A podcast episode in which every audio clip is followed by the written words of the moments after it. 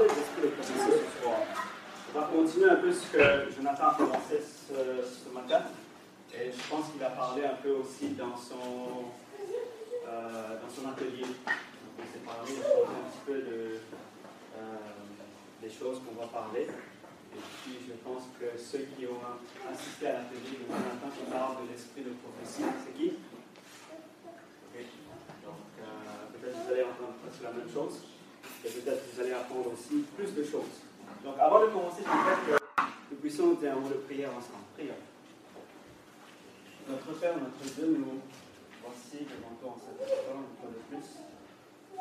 Et arrivé à ce moment de la journée, c'est que des fois, Seigneur, nous sommes fatigués. Et s'il te plaît, permets à ce que nous puissions être attentifs afin de comprendre les différents euh, euh, idées et euh, choses que nous allons voir ensemble, afin que ce moment puisse être un moment béni pour chacun de, nous et que cela puisse nous aider à nous fortifier davantage dans notre foi que nous avons. Surtout, Seigneur, nous voulons aussi que euh, cela puisse être un outil qui est facile à dissimuler, à digérer, si je peux dire, afin que nous puissions aussi avoir la force, le courage de le partager aussi simplement à d'autres personnes. Que cela puisse être notre objet de nos durant cette fin de semaine et surtout euh, lorsque nous quittons ce temps, que cela puisse nous aider à comprendre davantage et surtout, Seigneur, que cela puisse être pour ta gloire.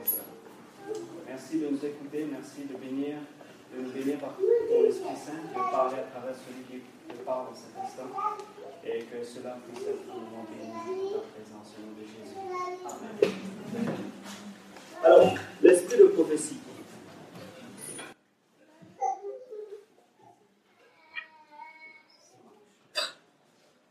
Euh, la première question qu'on doit se poser, le besoin. Pourquoi avons-nous besoin de, de l'esprit de prophétie? D'après vous. Pourquoi avons-nous besoin de l'esprit de prophétie?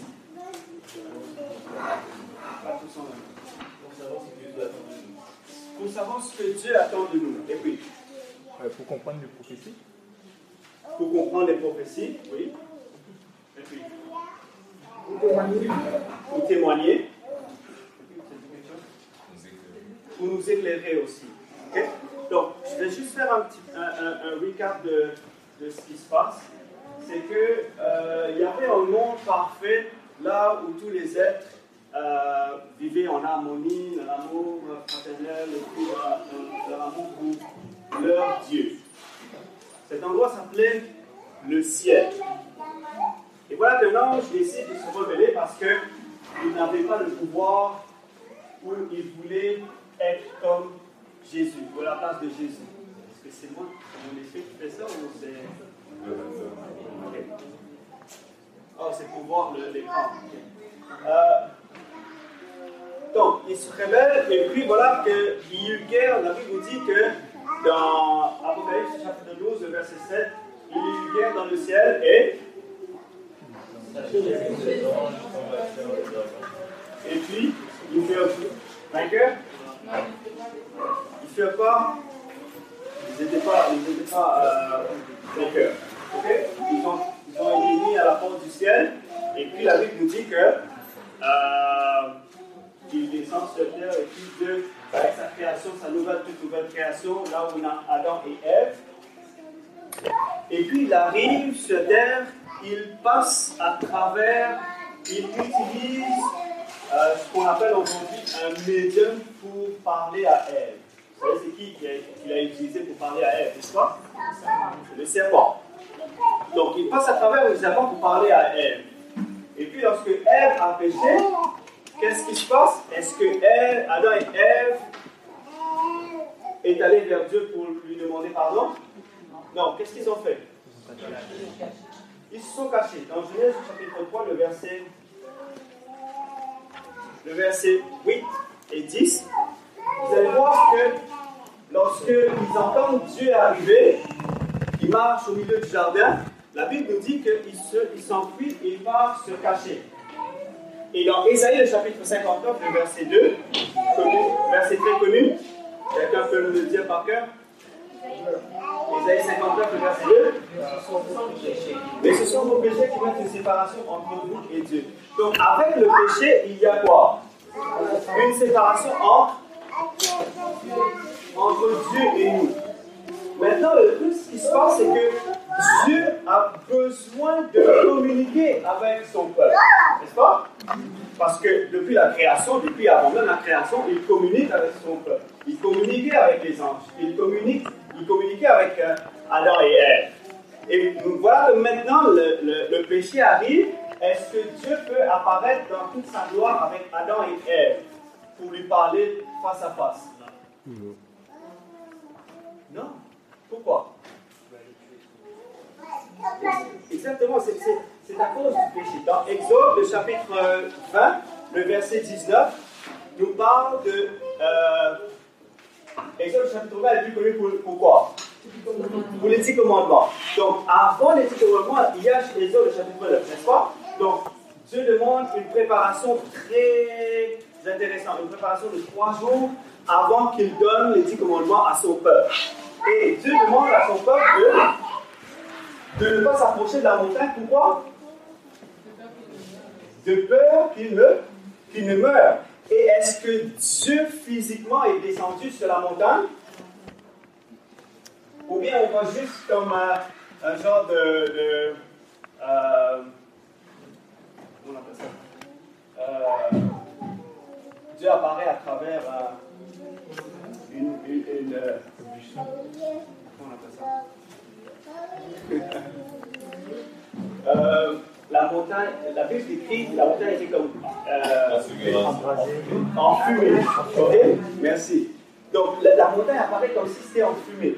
Donc le fait que Dieu apparaît à travers ce genre de manifestation, même à travers cette, manifestation, si tu approches de la montagne, qu'est-ce qui se passe? Dieu dit tu meurs.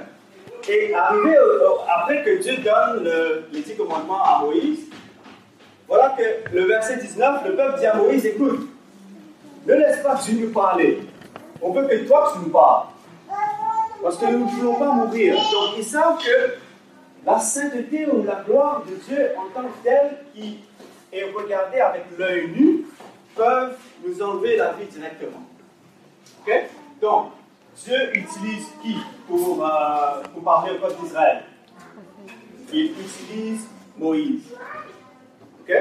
Donc, cet effet d'avoir peur ou de mourir devant la présence de Dieu existe dans l'Ancien Testament et aussi dans le Nouveau Testament. vous allez voir dans Ésaïe chapitre 6, le verset 5, où Ésaïe voit Dieu dans toute sa gloire et qu'est-ce qu'il fait? Il tombe sur sa face ici, maudit. Malheur à moi. Je suis qui vit parmi les peuples qui ont des lèvres impures et les lèvres étaient, et sont devenues impures.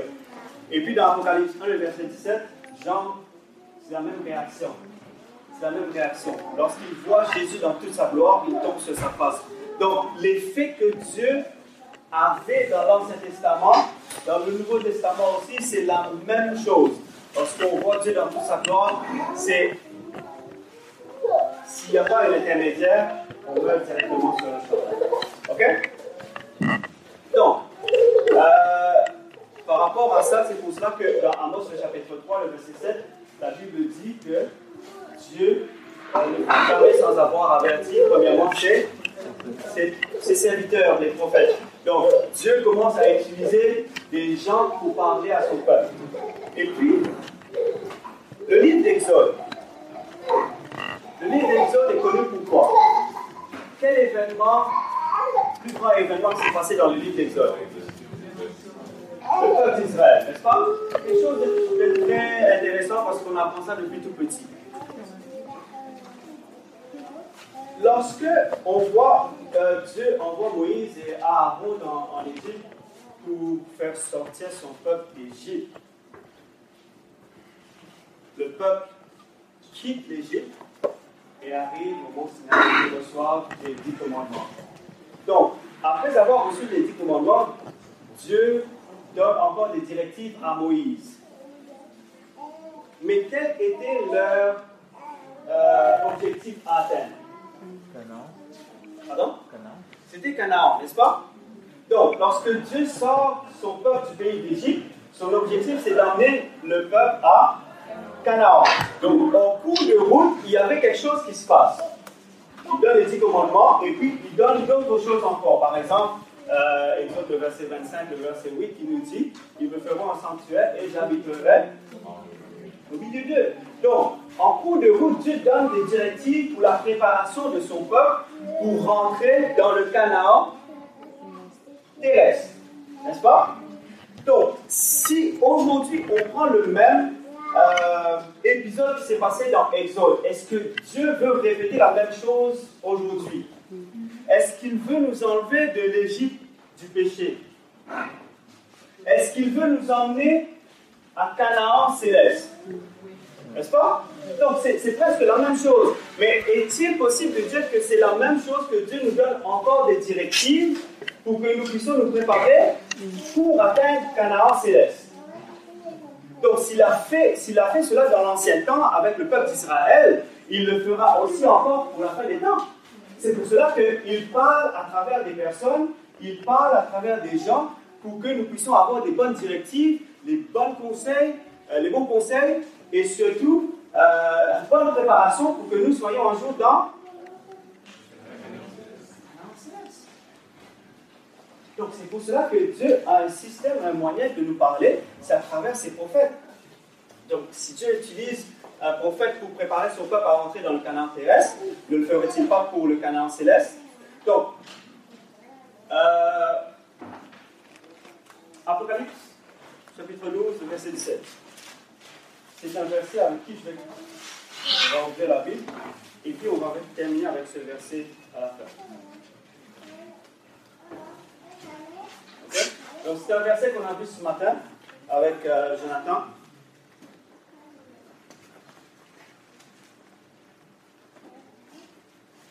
Ok? Euh, Le verset 17. Et le dragon fut irrité contre la femme et s'en alla faire la guerre au reste de sa postérité, à ceux qui gardent les commandements de Dieu et qui ont le témoignage de Jésus. Donc, Apocalypse 19, le verset 10 nous, dit c'est quoi euh, le témoignage de Jésus? C'est quoi le témoignage de Jésus d'après l'Apocalypse 19, le verset 10 C'est C'est L'esprit de prophétie. L'esprit de prophétie. Donc, une des caractéristiques qu'on voit par rapport à la postérité de, euh, la femme, c'est qu'ils avaient deux choses. C'était, Apocalypse 12, verset 17, ils avaient la loi de Dieu et le témoignage de Jésus. Donc, la loi de Dieu et le témoignage de Jésus et l'esprit de prophétie. Comme on a dit, si Dieu veut donner des, directives à son peuple pour que nous soyons dans le, euh, dans le Canaan céleste, maintenant la question se pose, qui a peur de ces révélations claires de Dieu? C'est Satan, n'est-ce pas? Parce que lorsqu'on parle du dragon dans le chapitre 12, verset 17, il nous dit que le, le dragon s'irrite contre la femme et va faire la guerre contre sa postérité, ceux qui gardent euh, les commandements de Dieu et qui ont le témoignage de Jésus-Christ. Donc pour lui, pour que nous ne puissions pas rentrer dans le Canaan céleste, il ne veut pas que cela se réalise, n'est-ce pas? Donc la première chose, c'est qu'il a peur que Dieu révèle les secrets ou bien l'arme ultime qui peut combattre contre Satan, si vous voulez. Parce qu'à travers l'esprit de prophétie, on a beaucoup d'outils pour nous protéger contre ce genre d'ennemi, n'est-ce pas? Donc, euh, est-ce qu'il est important ou critique qu'on ne soit pas séduit? Oui. Vous pensez quoi? Matthieu 24, verset 24. Matthieu 24, verset 24.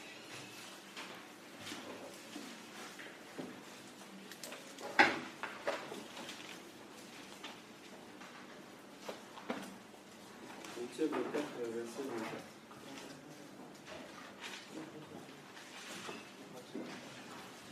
Ok verset 24.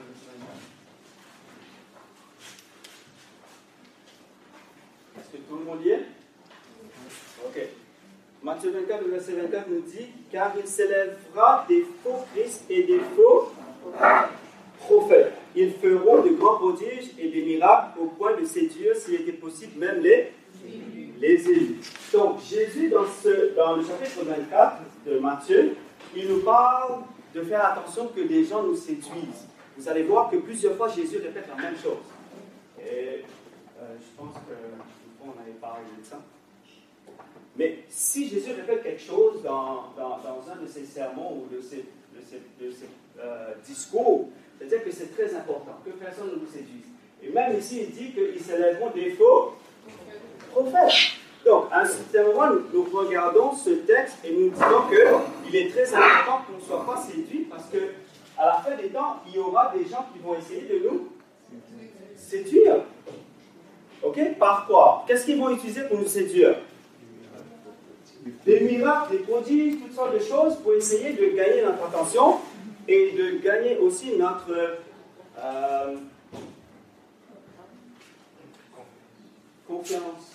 Je vais le trouver après.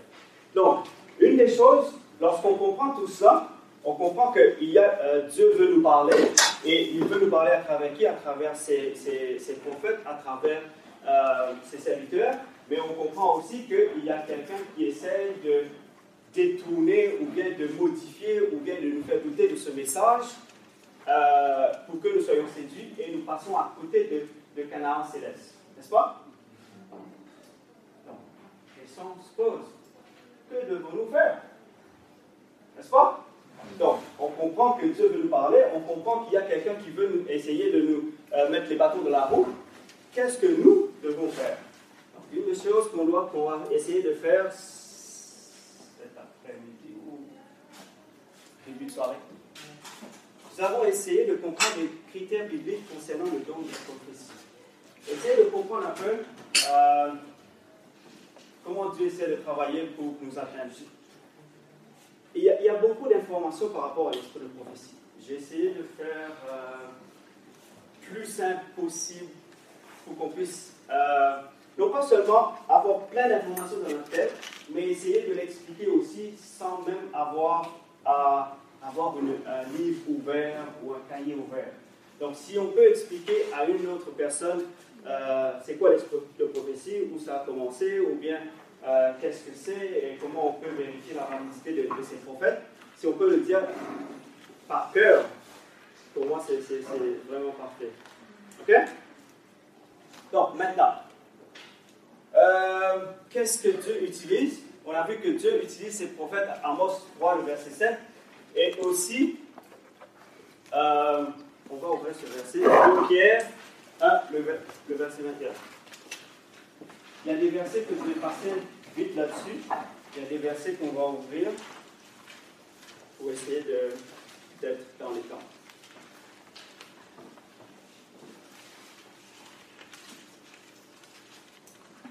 Ça va? 2 Pierre 1, 21.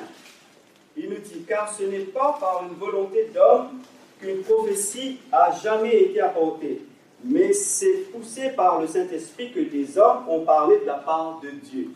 N'est-ce pas?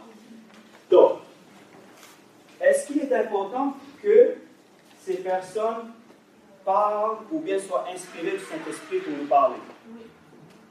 Très important, n'est-ce pas? On ne peut pas arriver avec notre propre idée parce que si j'arrive avec mes propres idées, c'est pour cela qu'aujourd'hui, on a beaucoup de, de sectes bien euh, de personnes qui essaient de, de, de, soulever un mouvement par rapport à une idéologie. Mais quand, lorsque Dieu inspire, vous allez voir plus tard qu'il y a des critères que Dieu respecte même à travers sa parole. OK? Euh, bon, euh, dans l'Ancien Testament et comme dans le Nouveau, Dieu utilise des prophètes et des prophétesses pour parler à, ses, à, à son peuple. Quelques prophètes dans l'Ancien Testament? Samuel. Pardon? Élie Jérémie Noé Abraham Samuel. Samuel, ok. Une chose est très importante aussi à dire ici, c'est qu'il y a plusieurs prophètes qu'on a mentionnés, mais est-ce que tous ces prophètes ont un livre écrit? Non. Partout, n'est-ce pas? Donc, c'est-à-dire qu'il y a des prophètes que Dieu leur demande de parler seulement. Et il y a d'autres que Dieu demande d'écrire ce qu'ils ont à dire. Parce que ce message, ce n'est pas seulement pour le temps présent, mais ce sera pour l'avenir aussi. Donc, ce n'est pas parce qu'ils sont des faux prophètes qu'ils n'ont pas un livre à eux, mais c'est parce que sous l'inspiration de Dieu, ils sont poussés soit à écrire, soit à ne pas écrire. Donc ça, c'est l'Ancien Testament. Et euh, les prophétesses de l'Ancien Testament. Anne Déborah. Anne Ah, c'est du nouveau. N'est-ce pas Anne, oui. Ben, elle a prophétisé. Il y avait une prophétesse euh, de mais- l'Église. Euh. Mais il y avait aussi Anne, la prophétesse, dans le Nouveau Testament. exactement. OK? Donc, dans l'Ancien Testament, j'ai mis seulement trois personnes. J'ai mis Nathan. Vous vous rappelez de Nathan? Ok, Nathan, avec euh, l'histoire de David. Il y avait Hulda. Et puis, il y avait Uri, dans Jérémie. Lui, il était euh, un prophète qui prophétisait au temps de euh, Joachim. Et puis, Joachim l'a fait mourir parce qu'il prophétisait euh, la parole de Dieu. Ok? Nouveau Testament. Euh, quelques noms Siméon, Anne, les quatre filles de Philippe. Vous avez entendu de, de- de cela, hein? Ok? Qui prophétisaient aussi dans le Nouveau Testament. Donc, Dieu utilise ces moyens pour nous parler parce que c'est pas parce que il veut juste parler, il veut, il veut être, euh, on est euh, son, euh, c'est pas parce qu'il veut juste parler, mais c'est parce qu'il veut nous donner des conseils pour nous faire atteindre euh, l'objectif qu'il veut que nous atteignions, c'est-à-dire le Canaan céleste. Comme Jonathan a utilisé le métaphore ce matin avec la corde, et le groupe de gens qui étaient là-bas et puis Alain qui était ici. Donc il essaie de nous tirer à travers la corde et à travers son message. Ok? Le rôle du prophète. D'après vous, c'est quoi le rôle d'un prophète? Juste dire ce que Dieu veut Dieu dire. C'est une de ses fonctions principales. Alors C'est une de ses fonctions C'est une principales. de ses fonctions principales, oui. Et puis Si euh, non seulement le prophète doit dire ce que Dieu euh, lui a annoncé de dire, il doit aussi la- l'appliquer dans sa vie. On voit aussi comme l'exemple de, euh, de Jérémie. Jérémie. Ouais. Euh, non, pas de Jérémie. Il y avait un prophète que Dieu lui avait dit que euh, Israël est entré en adultère avec moi Ah, parce que c'est Israël est allé C'est osé. C'est osé. C'est ça. C'est comme il a dit, toi aussi tu dois faire pareil comme Israël l'a fait. Tu donnes la réponse aussi. Ok. Donc c'est comme si il, il- Il vivait le message. Exactement. Ouais, c'est comme un, un message, comment je peux dire, c'est pas en parole, mais pratique. C'est comme pratiquer le message qu'on a entendu. C'est comme s'il était le, le, il était le message. Eh, exactement. Ouais. Donc Comme si tu, tu regardes la famille de d'Osée, tu le message. Mais c'était pas, c'était, euh, ça avait un double sens aussi par rapport à, à ce texte parce que c'est quelque chose de très intéressant. On montre l'état dans lequel nous sommes tombés. Ça, c'est un côté de ce que nous sommes adultères et à chaque fois Dieu a besoin de nous retirer. Et de l'autre côté, cela montre aussi l'amour de Dieu. Même si nous sommes tombés, il revient pour nous amener vers lui à chaque fois. Donc, euh, ça aussi, c'est intéressant. Donc, le rôle d'un prophète. Euh, Éphésiens 4, le verset 11 à 16.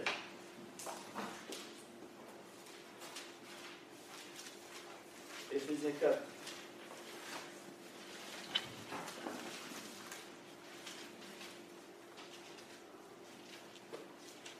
Est-ce que vous y êtes? Ok. 4, 11 à 16.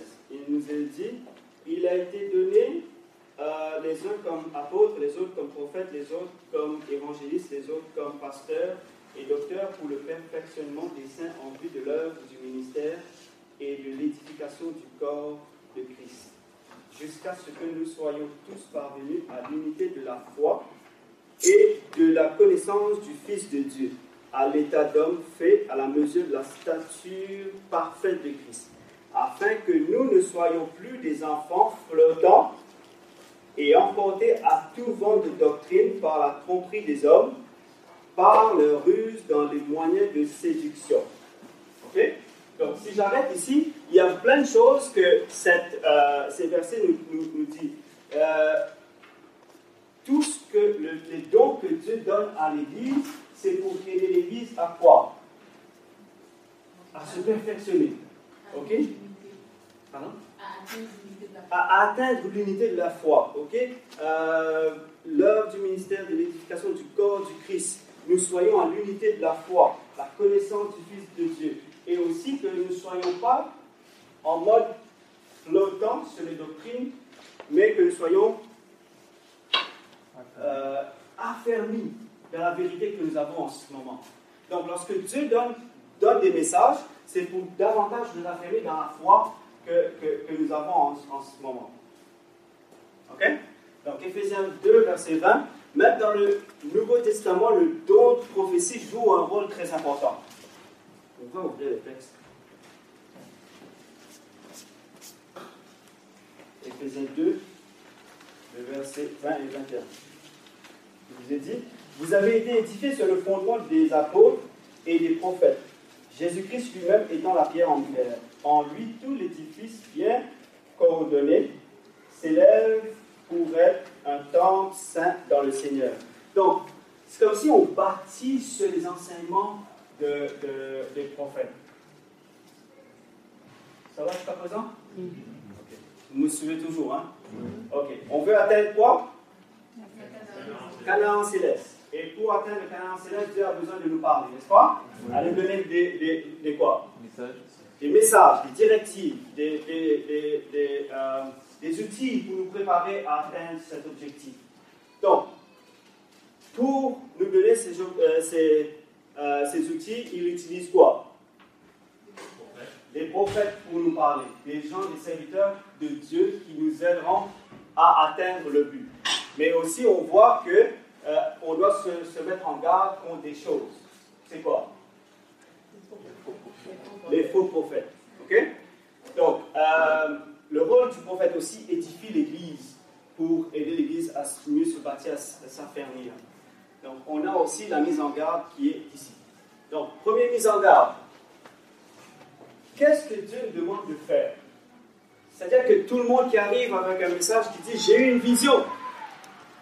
Là, tout le monde se met dans le mode euh, écoute, se connecte, Skype, et essaie d'écouter ce que la la personne a à dire. Et tout le monde voit, et tout le monde obéit, et tout le monde suit ce que le, le prophète dit. Euh, 1 Thessaloniciens 5, 20 et 21.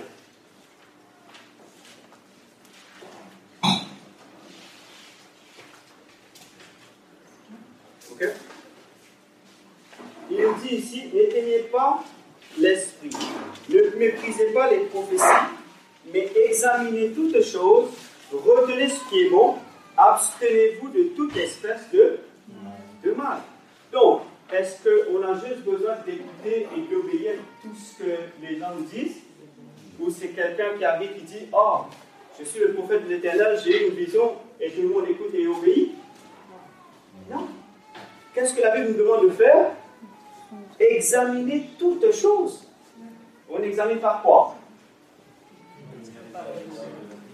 On va, on, va, on va venir avec un, test si vous voulez, pour essayer de voir un peu c'est quoi les, euh, les euh, différentes caractéristiques que Dieu demande pour que nous puissions croire en quelqu'un qui, dit avoir une vision. Dans 2 Chroniques, le verset 20, euh, euh, le chapitre 20, le verset 20, Dieu nous demande dans, ce texte de croire en ses prophètes, de faire confiance à, ses prophètes.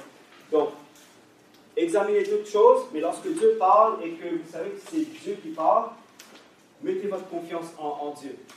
Matthieu 24, le verset 11 et 24, Dieu nous met en garde, nous avons vu le, texte, Dieu nous dit, euh, il s'élèveront des faux Christ et des faux prophètes, euh, que personne ne, ne vous séduise par rapport à ça. Donc, lorsque Jésus parle euh, dans Matthieu 24, il parle du temps de la fin, n'est-ce pas? Ok? Il nous parle du temps de la fin. Est-ce que vous êtes toujours là? Ok. On nous parle du temps de la fin. Si Jésus parle dans Matthieu 24 et dit Faites attention aux faux prophètes qui arriveront au temps de la fin. Qu'est-ce qu'on peut déduire par rapport à ça? Il y en a des vrais. Exactement. Donc, le, le- le- le- problème maintenant, c'est de trouver ceux qui sont vrais. On n'a pas besoin, si on trouve ce qui sont vrais, on connaît les critères pour donner à, à ce qui sont vrais. Donc, tout ce qui vient, qui ne fit pas le profil, on, met de côté, n'est-ce pas? Euh, 1 Jean, le chapitre 4, le verset 1. 1 Jean, chapitre 4.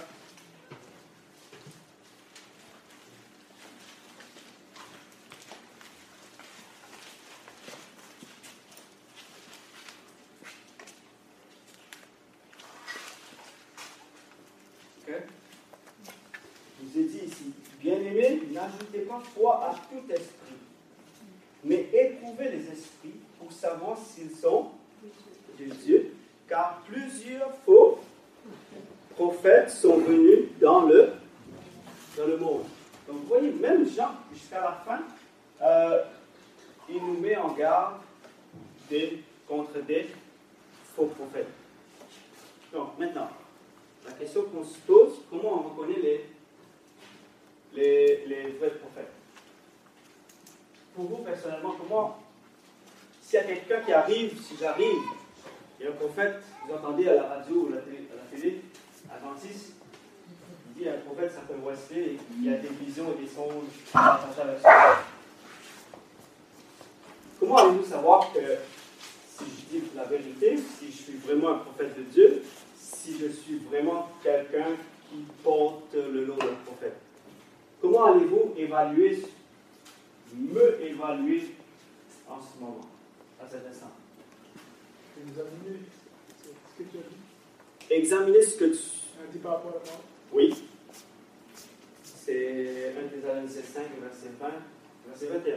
Mais examiner toutes choses, n'est-ce pas? Ok? Et puis, À la loi et au témoignage. à la loi et au témoignage. S'il Oui. ne parle pas, c'est qu'il n'y a point d'aurore pour le peuple. Ok. Alors dire que... Oui.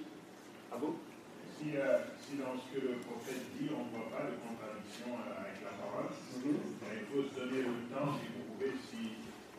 Parce que le temps peut avoir révélé aussi.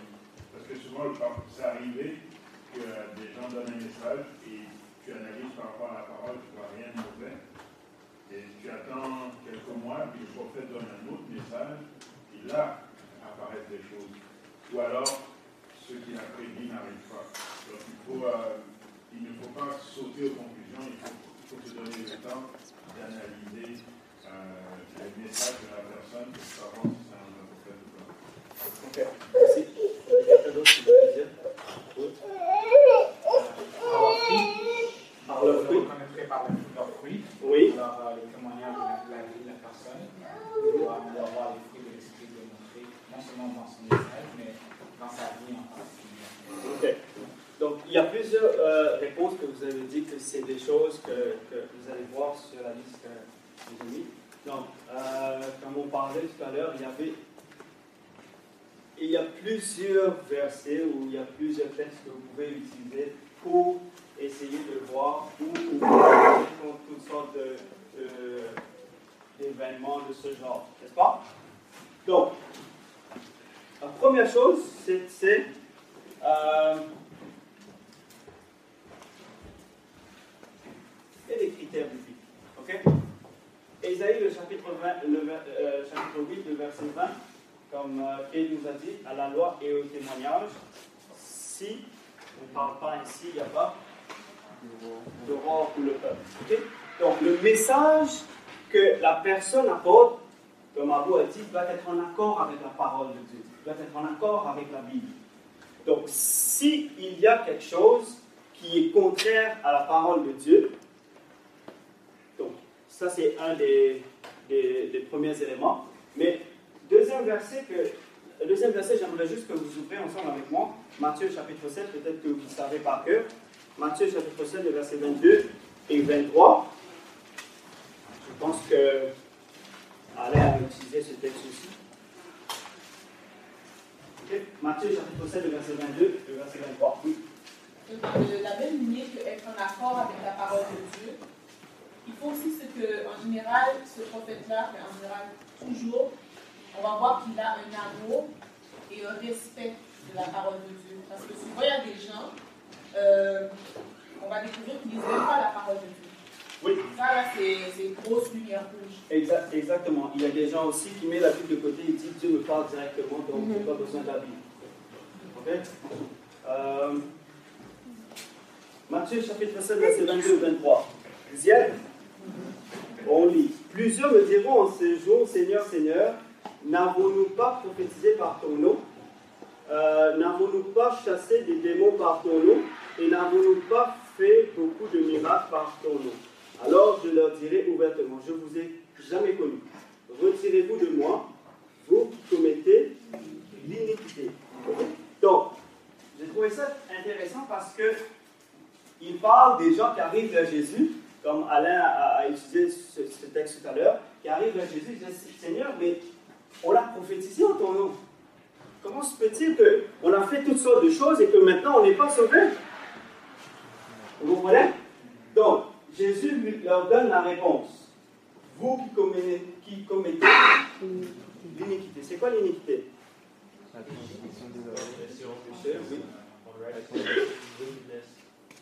C'est Ben, C'est la toute transgression de la loi. iniquité est un péché. la, la traduction anglaise euh, très simple. c'est qui vivent sans la loi. Pardon? Qui vit sans la loi. Qui vivent sans la loi. Ok? Donc, qui vivent sans. Donc, lorsqu'on parle de la parole de Dieu et qu'on qu'on fait et qu'on est, on est en désaccord avec le standard que Dieu a donné, a établi, qui a écrit dans, dans des tables de pierre, on peut prophétiser, on peut faire toutes sortes de choses, mais à la fin, lorsqu'on arrive à Jésus, je ne te connais pas. Pas, mes paroles, mon standard qui est là, tu n'as pas, pas pris ça en considération. Donc, euh, c'est tout un travail et à la fin, on se rend compte qu'on n'a pas été, qu'on a été du mauvais côté. Ok? Donc, deuxième. Euh, Deutéronome, le chapitre 18, le verset 22. Nous allons seulement ce texte. L'autre texte, il nous parle de euh, celui du chapitre 13, le verset 1 à 4. Il nous dit que si un prophète prophétise et que euh, la prédiction qu'il a faite arrive à se réaliser, et puis après ça, il se tourne et dit Allons vers d'autres dieux. Donc, il ne faut pas écouter. Euh, Deutéronome 18, le verset 22. Nous est dit Quand ce sera quand ce que dira le prophète n'aura pas lieu et n'arrivera pas, ce ne sera pas une parole que l'Éternel n'aura point dite. C'est par audace que le prophète l'aurait dit, n'aie pas peur de lui. Ok? Donc, Dieu dit que si un prophète qui prophétise quelque chose et que cela n'arrive pas, n'aie pas peur de lui. Lorsqu'un prophète prophétise quelque chose, ça doit arriver. Si vient de Dieu. Donc, on voit, on voit aussi euh, ce n'est pas la seule critère parce qu'on ne veut pas euh, commencer à courir derrière les miracles et toutes sortes de, de choses, de prodiges que d'autres personnes font parce que la Bible, l'Apocalypse dit que Satan aussi fait des prodiges et Matthieu chapitre 24, Jésus dit il y aura des prodiges pour qu'ils euh, puissent séduire même les, les élus. Donc, c'est pas, ne vous basez pas sur un seul critère pour dire ok, ça c'est un prophète. Il y a plusieurs critères qu'on peut se baser pour dire, OK, ça c'est un vrai prophète ou bien ça c'est pas un vrai prophète. OK? Donc, 1 Corinthiens chapitre 14, 3 à 4. On avait vu le verset avant, c'est que le prophète, il ne détruit pas l'Église. On n'essaye pas d'avoir, de, de, comme Jonathan a dit ce matin, on n'essaye pas d'avoir un reste des restes. Comprenez? Donc, il n'essaie pas de diviser l'Église pour essayer de faire une autre Église euh, qui est plus sainte, qui est plus prêt à rencontrer Dieu. mais qui travaille avec l'Église, qui travaille pour l'Église, pour édifier l'Église, pour aider l'Église, parce qu'on a un objectif à atteindre, et c'est quoi? Le Canaan céleste. Vous allez m'entendre dire ça plusieurs fois. Ok? Donc, quatrième. 1 Jean 4, le verset 15. Euh, ce verset nous parle que celui qui, euh, qui parle doit confesser que Jésus est le Fils de Dieu.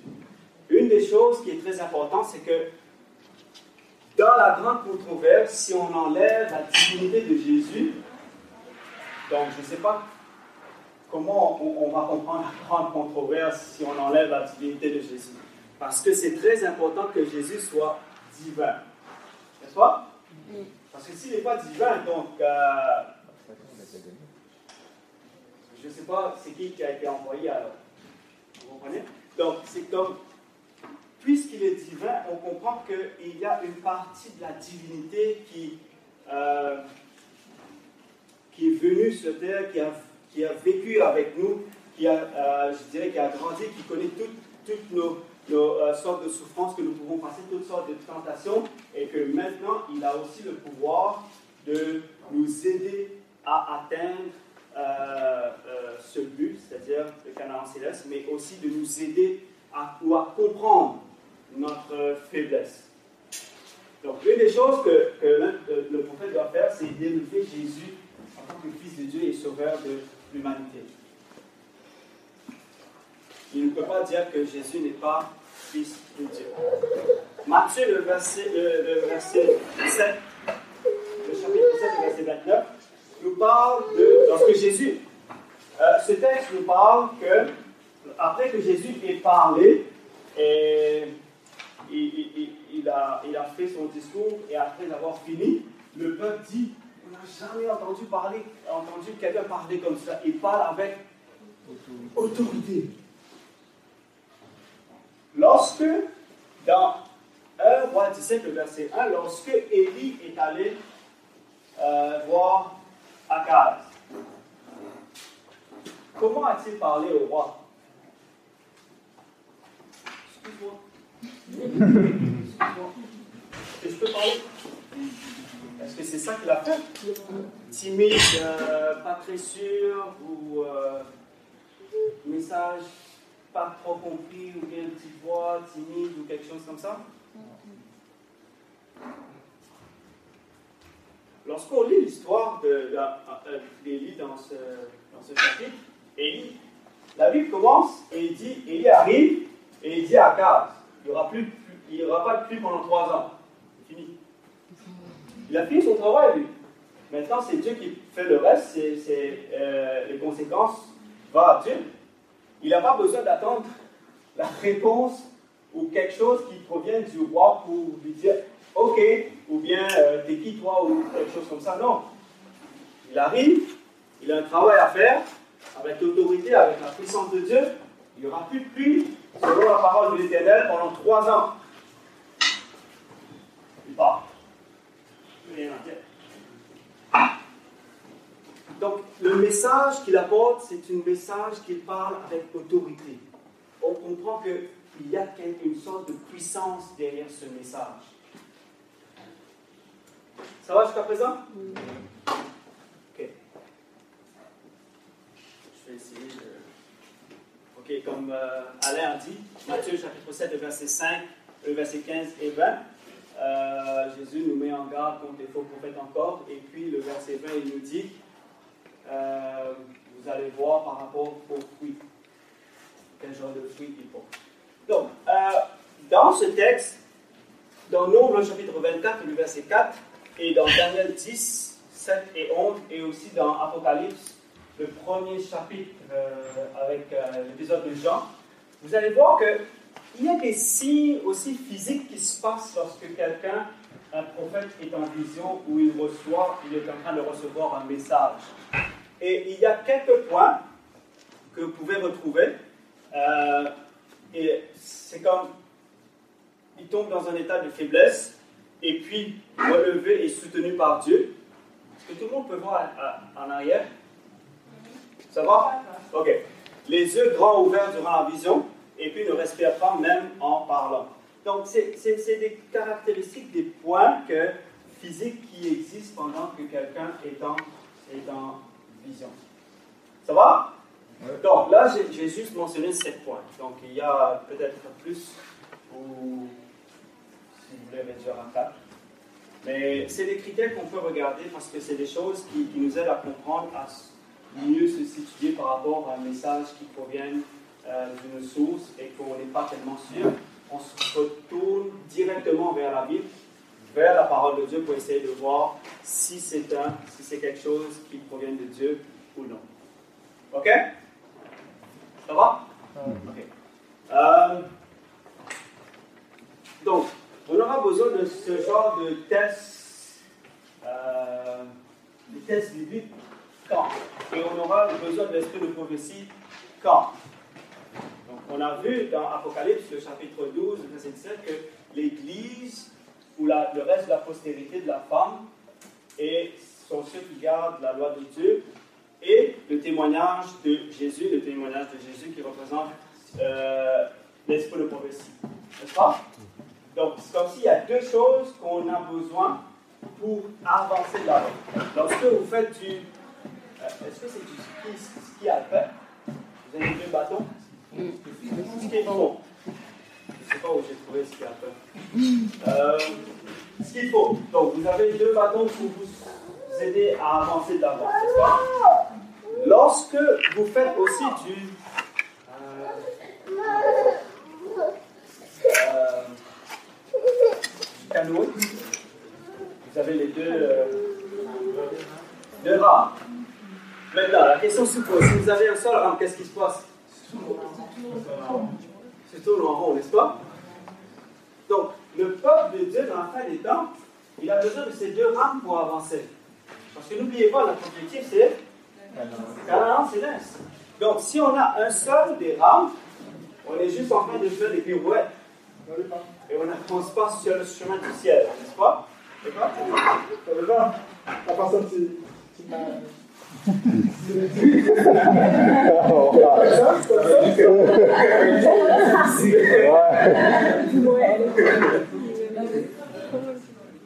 Est-ce que tu es en train de dire que si on se focalise uniquement sur la Bible et non pas sur les professions, on ne peut pas aller au Hmm,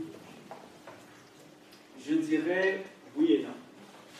C'est la Bible qui est la. ben, la- L'esprit de prophétie, la petite lumière qui nous emmène vers la grande lumière, n'est-ce pas?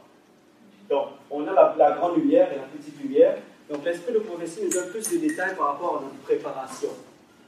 Donc, peut-être que lorsque la Bible est des fois n'est pas tellement claire pour quelqu'un de, le comprendre directement ou euh, il y a quelque chose qui, que vous ne comprenez pas. Donc, l'esprit de prophétie est là pour apporter plus de, de compréhension à, à ce texte. Ah, C'était quoi non? Ensuite, on a vu ce matin un point qui est important par rapport à ça. On a vu que dans l'histoire de Samuel, quand on rejette lui qui est un prophète, Dieu lui a dit c'est pas toi qui rejettes, c'est moi. Ouais, si on rejette l'esprit de prophétie pour se concentrer seulement sur la Bible, on rejette le moyen de nous appliquer. Ok. Il se disqualifie aussi pour. Oui, En fait, c'est c'était dans le même sens que Stéphane, parce que quand on regarde les histoires de la Bible, Dieu a dit Je vous ai envoyé mes prophètes. Donc, il n'y a aucun prophète qui a existé et qui, est intervenu auprès du peuple de Dieu, en parlant des vrais prophètes, sans que Dieu l'ait envoyé. Donc, c'est vraiment l'intermédiaire que Dieu utilisait pour parler au peuple. Alors, si le Seigneur fait la même chose dans les derniers jours, il va nous dire la même chose. Je vous ai envoyé mes prophètes. Et là, ça rejoint ce que Stéphane dit, parce que quand on rejette, parce qu'en même jusqu'à un certain point, c'est plus facile de rejeter le messager. Parce que comme ça, tu ne dis pas ouvertement que tu rejettes Dieu. Mais c'est pour de vrai, c'est Dieu derrière que tu rejettes. Parce que comme ça, c'est le même esprit, et l'esprit n'est pas divisé, logiquement, si, si, si ce sont des vrais messages du Seigneur, et que tu es un chrétien sincère qui marche dans la parole de Dieu, c'est impossible que tu prennes un et tu rejettes l'autre. Ça, c'est impossible. Ça va Est-ce que ça question? Ça va? Est-ce que vous avez toujours ça? Oui. Ok, parfait. Euh, donc, euh, on aura besoin de quand Donc, on a vu avec les pro- prophètes au temps de la fin, on aura besoin de, de ça pour mieux comprendre ce qui se passe et euh, dans notre préparation. Euh, vous pouvez prendre ce texte en note, mais je vais juste vous dire le- le- la prophétie de, de Joël. Vous savez, c'est quoi la prophétie de Joël Chapitre 2 les, La pluie de la première et de l'arrière-saison? Ok? Donc, c'est c'est une prophétie qui, qui a été accomplie en partie, je dirais. Vous allez, vous allez voir dans tous les textes, dans Actes, le chapitre 2, euh, Pierre parle par rapport à cela. Et puis, dans Matthieu, l'Apocalypse, il nous parle encore de signes que Joël parle ici. Donc, c'est un des prophéties qui, qui a été accompli, mais en partie. Il n'a pas atteint son, euh, on appelle ça son apogée. Donc, il n'a pas encore atteint son apogée. C'est-à-dire qu'il reste encore une partie de cette prophétie à accomplir. Parce que la prophétie parle de la pluie de la première saison et la pluie de l'arrière-saison. Et la pluie de l'arrière-saison apporte toutes sortes de choses comme les dons de prophétie aussi. Donc, c'est-à-dire que dans le temps de la fin, lorsqu'on arrive dans ce temps, Dieu va déverser son esprit sur les gens qui sont prêts à recevoir son esprit. Et ces gens vont commencer à parler de Dieu ou à prophétiser pour Dieu. OK? Donc, euh, dans les années 1800, il y avait des mouvements qui se sont levés. On a le mouvement euh, 1844, si je ne me trompe pas. Il y avait le mouvement euh, des Bourbons, 1805 à 1844. Et puis il y avait euh, d'autres mouvements comme les Shakers, euh, du spiritisme moderne. Euh, lorsque le, mouvement Mormon est- est, euh, a surgi pendant cette époque, il y avait le pro- celui qu'on appelait le prophète Joseph Smith. Et puis lui, il disait que dans son message, que il y avait euh, une possibilité de faire un baptême pour les morts. Et qu'il y a une autre chose, c'est qu'il il est pour la polygamie.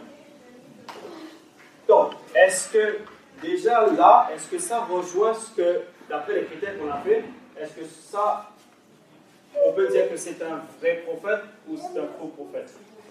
Par rapport à la parole de Dieu, c'est un faux prophète.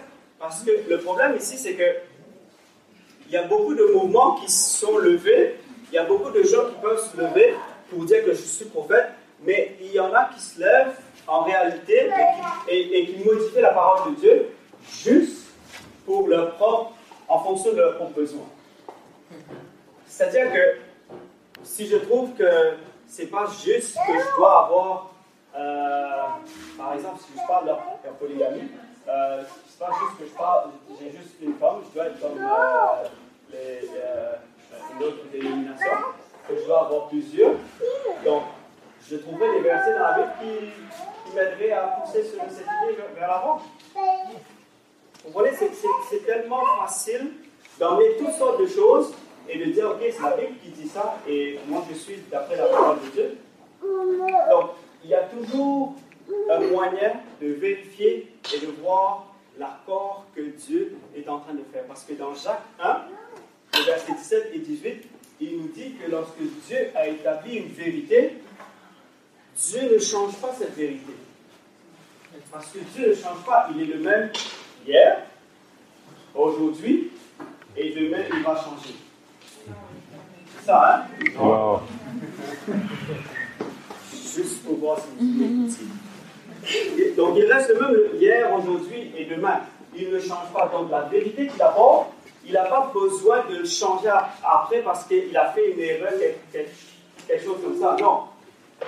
Cette vérité continue jusqu'à la fin. Et tous ceux et celles qui viennent, qui parlent de la parole de Dieu, continuent dans cette même vérité. Il n'y a pas de désaccord avec, dans la parole de Dieu. Donc, euh, je vais aller un peu vite maintenant, ok? Je vais essayer de terminer avec les, points avec euh, Ellen White.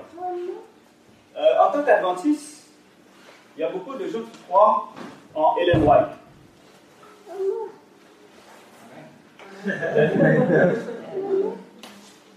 Pourquoi? Parce que c'était un des contrats à, à signer lors de notre baptême. si tu ne crois pas, tu ne seras pas baptisé. Pas, tu ne seras pas marié. Oui. Ah ben, moi, un exemple concret que je pourrais donner, c'est que quand j'ai commencé à étudier la Bible il y a 4 ans, avec Pasteur Félix et euh, Aboubacar aussi, euh, on étudiait la Bible en premier.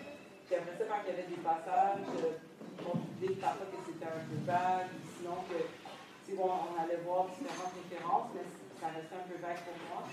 On allait lire Ellen White. Puis, elle venait pas inventer quelque chose de plus que ce qu'on venait dire, mais elle venait comme corroborer ce qu'on venait dire, puis en même temps amener une lumière à ça, dans le fond. Ça ça, ça, venait pas en contradiction avec la Bible, du moins pas j'ai vu jusqu'à présent. Je faisais comprenais encore plus, puis souvent comme tout, c'était vérifiable. Faisais des recherches, je voyais. Donc, c'est, comme, comme j'ai dit tout à l'heure, c'est comme cette petite lumière qui nous amène à comprendre la grande lumière.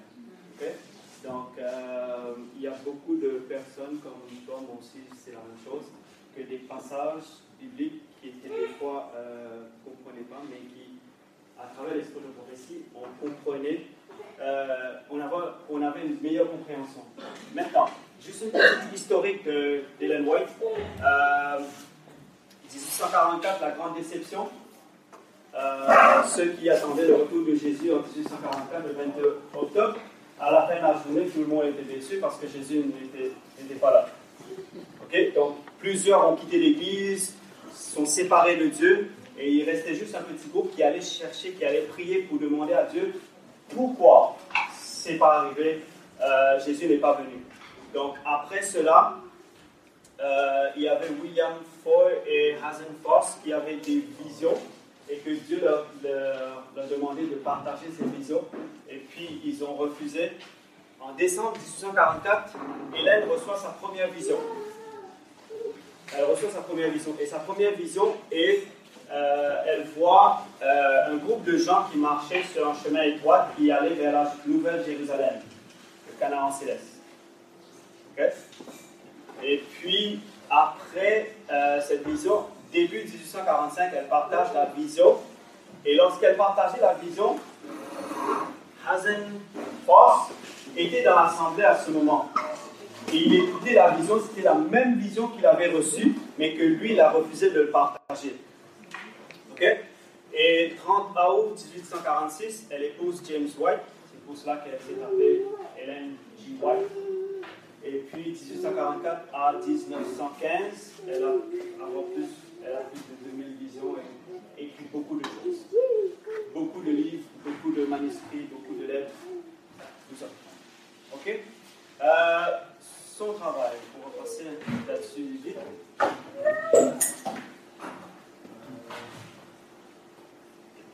Le test. On ne peut pas juste croire à une loi comme ça, non on doit, on doit appliquer le test qu'on a vu à Ellen White, n'est-ce pas? Donc, on va essayer de, de faire ça assez vite pour euh, voir si elle respecte tous les critères qu'on a vus jusqu'à présent. On avait sept critères. Euh, en accord avec la parole de Dieu.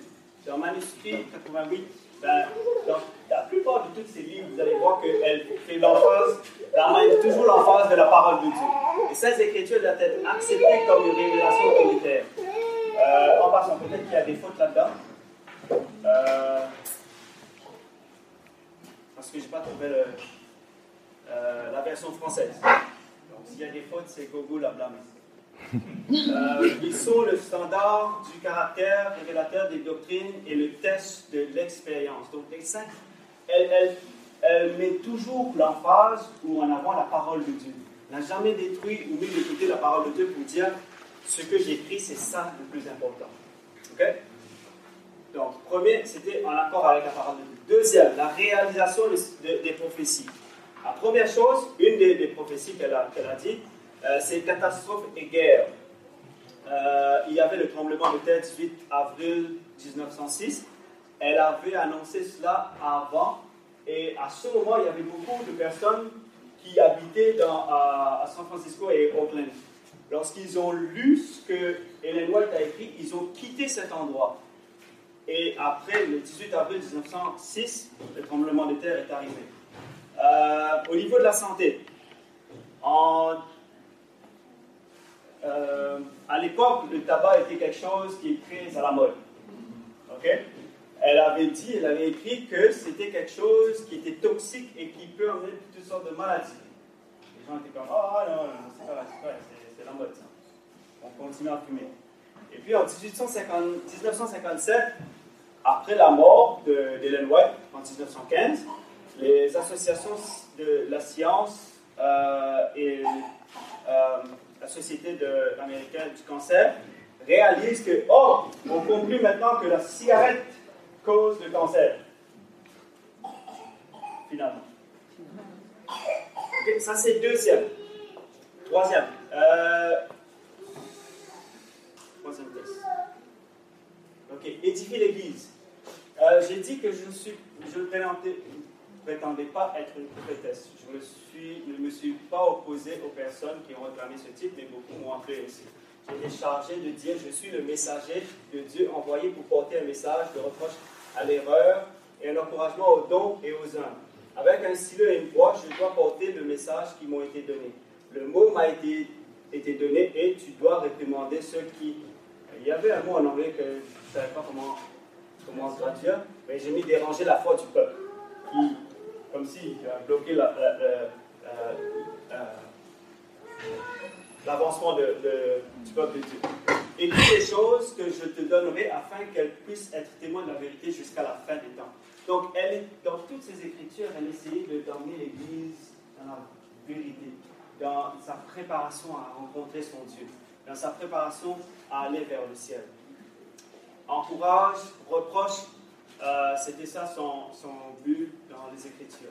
Elle élève le, le, euh, la personne de Jésus-Christ et elle reconnaît Jésus comme le Fils de, de Dieu et le Sauveur de l'humanité. Ok? Donc, D'ailleurs, si vous voulez savoir plus sur cela, le livre Jésus-Christ. ok Euh, Maintenant, notre cinquième euh, critère, c'est parler avec autorité. Euh, c'est- Cette citation, c'est, vous n'allez pas voir que elle doit parler avec autorité, ok? Mais elle dit qu'il nous, il nous appelle à maintenir fermement la force de la foi aux principes fondamentaux qui reposent sur une autorité incontestable. C'est-à-dire que lorsque la parole de Dieu est partagée, lorsqu'elle partage la parole de Dieu, lorsqu'elle prophétise ou elle écrit quelque chose, elle n'écrit pas d'une façon euh, timide ou euh, hésitation, mais lorsque vous lisez les Écritures, vous sentez qu'il y a une interpellation, il y a, comme si quelque chose qui brûle dans votre cœur. Jamais arrivé? Ok Quelque chose qui brûle dans votre cœur, vous sentez comme visé, euh, réprimandé, euh, mais en même temps aimé. N'est-ce pas? C'est- extraordinaire. Euh, porter des fruits. Ok, ça c'est des. c'est la presse qui parle par rapport à sa mort, après sa mort. Ok?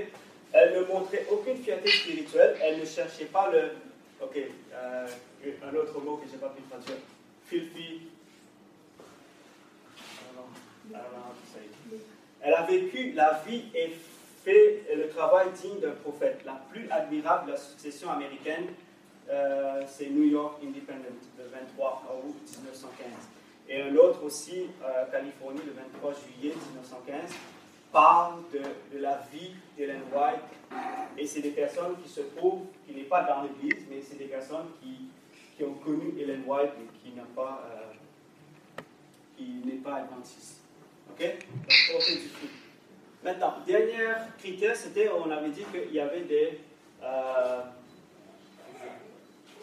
des euh, signes physiques aussi qui se passent. Donc, on avait vu le, Nombre 24, Daniel 10, euh, quelques critères, tombe en état de faiblesse, relevé, soutenu par Dieu, les yeux grands ouverts durant la vision, ne respirent pas, même en parlant. Donc, elle, Ball, ok? Euh, une longue connaissance d'Ellen White qu'il a vue en vision 50 fois, décrit les événements comme suit. Et je pense que je vais terminer avec. C'est mon avant-dernier euh, diapo. Ok, voilà, elle écrit la vision euh, lorsque Ellen White est en vision. Il y a d'autres euh, examens que même James White, son mari, a fait lorsqu'elle euh, était en vision. Essayer d'emmener un médecin pour voir, examiner s'il y avait quelque chose, pour essayer d'expliquer ce qui se passe. Et à la fin de, de l'examination, le médecin dit Ah, on ne sait pas c'est quoi, comment ça se peut. Ok, en entrant dans une vision, elle donne trois cris énormes de gloire qui font écho et réécho la seconde et surtout la troisième, la plus faible, mais plus excitante que la première. La voix ressemblant à celle d'une euh, distance de vous et devient moins audible. Pendant environ 4 ou 5 secondes, elle semble tomber comme une personne dans un évanouissement et ou une perte de sa force. Vous vous rappelez les prophètes, lorsqu'ils voient Dieu, qu'est-ce qui se passe? Ils tombent, n'est-ce pas? Et puis, qu'est-ce qui se passe? Il y a Dieu qui arrive et les, les relève, les touche, qui dit mets-toi debout, et puis il relève avec une force. Elle décrit encore, elle dit elle semble alors être instantanément remplie d'une force surhumaine. Parfois se lève immédiatement et se promène dans la pièce. Il y a des mouvements fréquents de mains et des bras pointant vers la droite ou vers la gauche en tournant la tête. Tous ces mouvements sont faits de manière très gracieuse. Dans n'importe quelle position la main ou le bras peut être placé, il est possible pour, il est impossible pour quelqu'un de le déplacer. Ses yeux sont toujours ouverts, mais elle ne fait pas un clin d'œil. Sa tête est levée et elle regarde vers le haut, pas avec un regard vide, mais avec une, une expression agréable, seulement différente de la normale, en ce qu'elle semble regarder attentivement un objet lointain. Quatrième, elle ne respire pas, mais son pouls bat régulièrement. Son visage est agréable et la couleur de son visage est resplendie comme dans son état naturel. Biographie de. Donc, euh, après, c'est quelques critères, c'est quelques, euh, juste une, image de la vision qu'elle voit avec les gens qui, passent. Donc, après avoir passé à travers tous les critères, les tests bibliques qu'on a vus, et on a essayé de passer Hélène White à travers ces critères, on comprend que il y a une séparation entre nous et Dieu, n'est-ce pas? Dieu veut toujours nous parler. Mais il ne peut pas nous parler face à face, il doit envoyer quelqu'un. Il envoie des prophètes. Mais lorsqu'il envoie des prophètes, l'ennemi n'est pas content parce que c'est là quand euh, Dieu va révéler toutes sortes de, de secrets par rapport à com- comment on va vaincre l'ennemi, comment, comment, comment on va être vainqueur, et aussi comment être prêt ou se préparer à être dans le, euh, le Canaan céleste. N'est-ce pas? Donc, lorsque l'ennemi sait ce que Dieu va faire, lui, ce qu'il fait, il essaie d'envoyer des faux prophètes. Donc à ce moment-là, lorsqu'on envoie, on a un faux prophète, on a un vrai prophète, la plupart du temps, les gens qui arrivent et voient sortes, ce genre de choses, on arrive dans un, un genre de, con, de confusion parce qu'on ne sait pas où aller.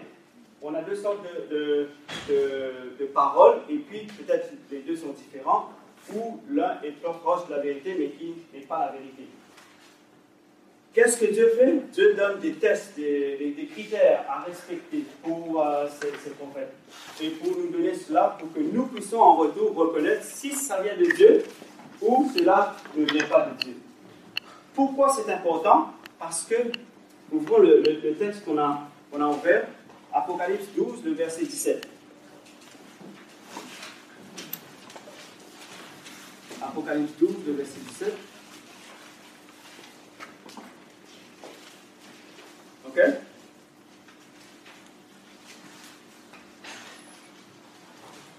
Et le dragon fut irrité contre la femme, et il s'en alla faire la guerre au reste de sa postérité et ceux qui gardent les commandements de Dieu et qui ont le témoignage de Jésus. Donc pourquoi c'est important? Parce qu'à la fin, c'est quelque chose que nous aurons besoin pour, dans, notre cheminement, dans notre, dans notre euh, marche vers le ciel. Et la question qu'on doit se poser ce soir, c'est que lorsqu'on regarde, on a regardé toutes sortes de choses, on a, on a, on a, vu toutes on a eu toutes sortes de messages durant cette fin de semaine. Et la question ici est, lorsque le dragon euh, quitte la femme et va faire la guerre avec sa postérité, est-ce que la Bible dit qu'il a vaincu la postérité? Non. Est-ce qu'il est allé juste faire la guerre? Mais la Bible ne dit pas qu'il il a, euh, il a vaincu sa postérité, n'est-ce pas? Mhm. Oui ou non? Exact. Ok. Serait-il pos- possible de dire que cela dépend S'il gagne la guerre ou il ne gagne pas la guerre? Cela dépend si nous lui donnons le terrain sur nous ou bien nous prenons ce que Dieu nous a donné comme outil pour nous défendre. Ça revient à la même chose que ce matin, c'est notre décision, chers amis. Qu'est-ce- Lorsqu'il arrive pour nous faire la guerre, il n'est pas venu pour nous faire les yeux doux ou pour nous envoyer un texto ou bien il dit que j'arrive ou bien il va updater son status sur Facebook pour dire je viens, je viens t'attaquer. Non.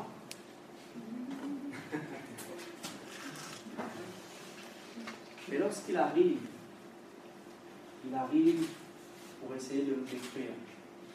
Et la question se pose. La Bible ne termine pas, dit que sa postérité a vaincu. La postérité, euh, la femme peut vaincre l'ennemi. Il est capable de vaincre l'ennemi avec les outils que Dieu a donnés.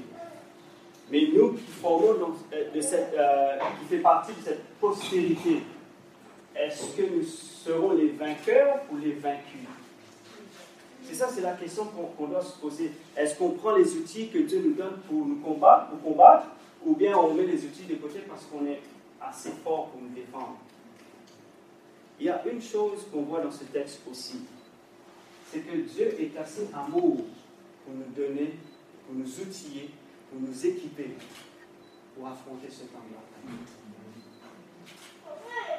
On regarde toujours euh, Apocalypse chapitre 12 d'une façon de voir euh, le dragon, le serpent, la guerre et tout ça. Mais lorsqu'on regarde d'une façon de notre perspective, on voit qu'il y a un Dieu qui prend soin de, ses enfants. Il donne les outils. Il donne les équipements qu'il faut pour que tu puisses arriver, pour que nous puissions y arriver. Mais la question que nous devons nous poser, est-ce que je suis en train de prendre l'outil pour me défendre? Ou bien je dis, c'est pas tellement important, je ne suis pas encore prêt pour la bataille, quand je serai vieux, ou bien quand je ne suis pas tellement prêt. Euh,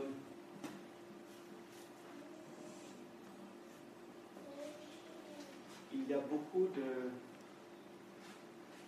choses qui se passent dans, le monde aujourd'hui. Et malheureusement, je ne vais, pas- je vais pas rester ce soir, sinon euh, pendant le jugement factice, j'aurais pu vous montrer, vous poser des questions qui, qui sont à l'extérieur par rapport à l'esprit de prophétie. Chers amis, si nous ne sommes pas équipés pour la fin, nous serons soit d'un côté en train de, euh, de combattre contre notre propre frère, ou bien on va combattre vraiment l'ennemi de nos âmes. Parce qu'il y a beaucoup de gens qui se retrouvent à l'église, mais qui sont en train de se battre contre eux-mêmes, contre leurs propres frères et sœurs de l'église, alors que l'ennemi se trouve à l'extérieur. Et lorsque nous avons ce genre d'outils, chers amis, vous savez, c'est quoi le problème? C'est que Dieu nous donne des outils pour combattre l'ennemi, on prend ces outils pour combattre nos frères et sœurs. On arrive avec le texte Ellen White la Bible. Tiens, voilà ce que Ellen White a dit. Tiens, voilà ce qui, ce qui est dit. On n'est pas là pour se battre contre l'un et l'autre. On est là pour s'édifier, pour s'encourager, parce qu'on a un objectif à atteindre. C'est quoi? Ah, céleste. Et lorsqu'on est en marche, on n'essaie pas de se battre, de pousser les autres sur le chemin. On essaie d'aider, de, de porter ou bien d'attraper la main de quelqu'un qui a besoin euh, d'une main pour, pour marcher sur la route. Et celui, lorsque le mal arrive, c'est celui qu'on doit se tourner vers et combattre. Ne faites pas le travail du dragon dans l'Église. Prenez les outils que Dieu nous a donnés et mettez le dragon en dehors de l'Église. Ma prière pour chacun d'entre nous ce soir, c'est que juste à travers cela, essayez de prendre compte que Dieu nous aime. Et Dieu est capable de prendre soin de nous jusqu'à la fin. Et ce qu'il nous donne est assez fort et puissant faire atteindre l'autre bord, qui est l'objectif est la Canaan céleste. Ma prière pour chacun d'entre nous, c'est que les gens qu'elle a vus dans cette vision, que nous puissions être partie de ces gens. Et Jaffa, peut-être, ce sera une autre dimension. N'est-ce pas? Donc, J'aimerais euh, terminer avec un mot de prière. avec vous.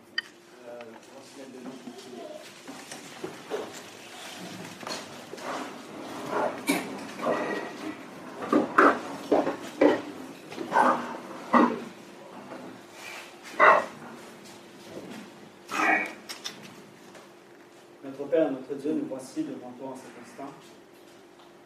C'est vraiment une joie et un privilège que d'étudier, de partager ta parole, Seigneur. Il y a plein de choses, plein d'informations par rapport à l'esprit de prophétie.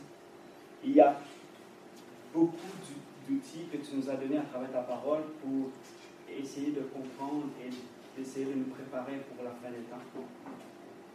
Que, Seigneur, après la présentation et toutes les présentations qui ont été faites jusqu'à présent, que tu puisses mettre dans notre cœur ce désir d'aller fouiller davantage pour comprendre pour nous-mêmes les outils que tu nous as donnés. Seigneur, c'est vrai que de ce que nous sommes entourés de toutes sortes de choses, toutes sortes de questions, toutes sortes de personnes. Et des fois, nous pensons de ce que nous devons étudier toutes sortes de livres ou lire toutes sortes de livres, toutes sortes de religions, pour prendre toutes sortes de religions pour essayer essayer d'expliquer aux autres. Mais ta parole de vérité est plus puissante et plus édifiante que tous ces autres livres. Aide-nous à trouver notre plaisir à l'étudier. Aide-nous, Seigneur, à, à développer cet amour, à fouiller dans ta parole, afin que les trésors que nous puissions avoir puissent réjouir notre cœur et nous encourager à, à fouiller davantage. Car, Seigneur, à la fin de la journée, cela nous aiderait, nous, équipe, nous, aide à être mieux équipés à avancer sur ce chemin que tu as tracé pour chacun d'entre nous. Tu connais chacun de nous ici présents. Nous sommes venus dans ce camp avec euh, des objectifs, des visions, des choses que nous voulons atteindre. Et peut-être nous sommes venus ici parce que euh, nous nous sommes inscrits et puis nous ne sommes pas venus vraiment pour attendre quelque chose de Japon, mais juste pour participer à cause de quelqu'un.